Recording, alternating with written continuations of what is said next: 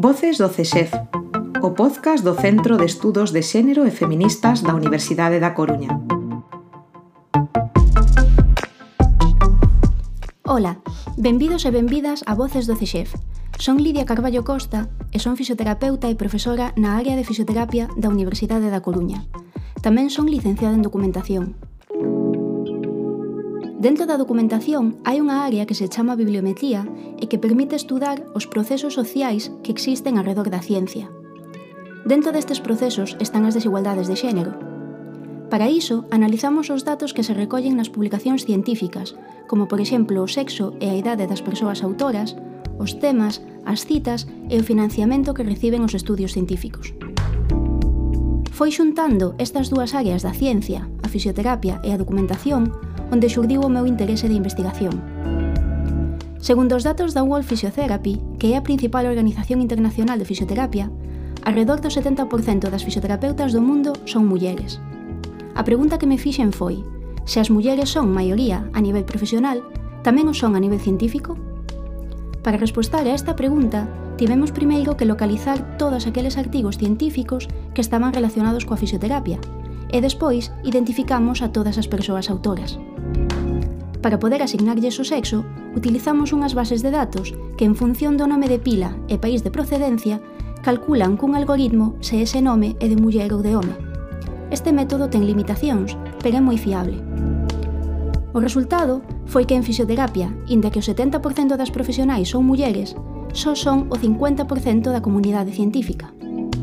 Este 50% é unha porcentaxe moi superior a outros campos científicos pero sigue sen representar a realidade. Neste estudo tamén investigamos se as mulleres producían ciencia dunha maneira diferente aos homes, e o que atopamos foi que as científicas publicaban un número menor de artigos que os seus compañeiros varóns. Se queredes saber un dos motivos, podedes escoitar o podcast desta mesma serie titulado Os Coidados, porque inda que non o pareza, as científicas tamén coidan máis que os científicos. Ben, Entón sabemos que as mulleres producen menos artigos, pero como é o seu impacto científico? É dicir, o seu traballo está ben considerado dentro da comunidade científica? O impacto científico refléxese no número de citas que reciben por parte de outras persoas investigadoras. A maior número de citas, maior impacto e mellor consideración. O que atopamos foi moi interesante, xa que a pesar de que as mulleres publicaron menos artigos, os que publicaron recibiron o mesmo número de citas ou máis que os dos autores homes, o cal significa que, enda que as científicas produzan menos artigos, os que producen son moi bons. Isto ten unha consecuencia moi importante, xa que a avaliación científica en España basease sobre todo no número de artigos que se publican e non tanto no seu impacto en citas. De algunha maneira, esta política de avaliación estaría perxudicando a carreira científica das mulleres, xa que dá máis importancia a uns indicadores nos que sistemáticamente estamos peor.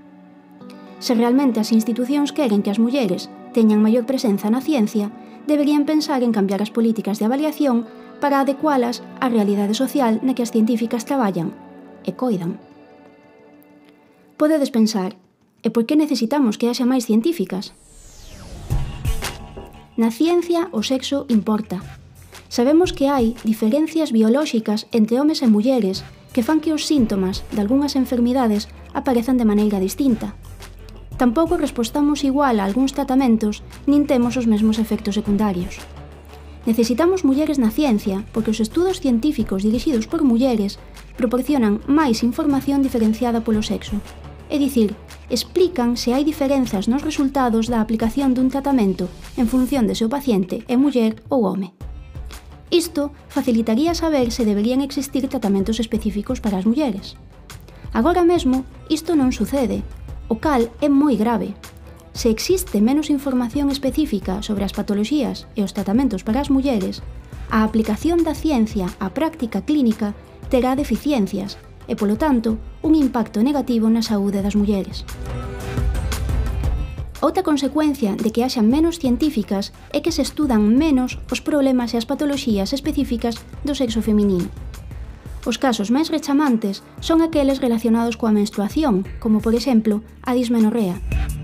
A dismenorrea é a dor que se sofre durante a menstruación e que non debería ser considerada normal pola sociedade.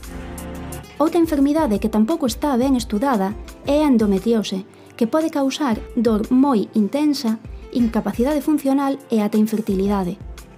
Inda non ten un tratamento efectivo e só é diagnosticarse moi tarde porque non se lle dá importancia a esta dor que sofren as mulleres. As mulleres fan ciencia de calidade. Necesitamos máis mulleres na ciencia para ter unha atención médica e unha sociedade mellor, e necesitamos que se revisen as políticas de avaliación científica para poder conseguilo.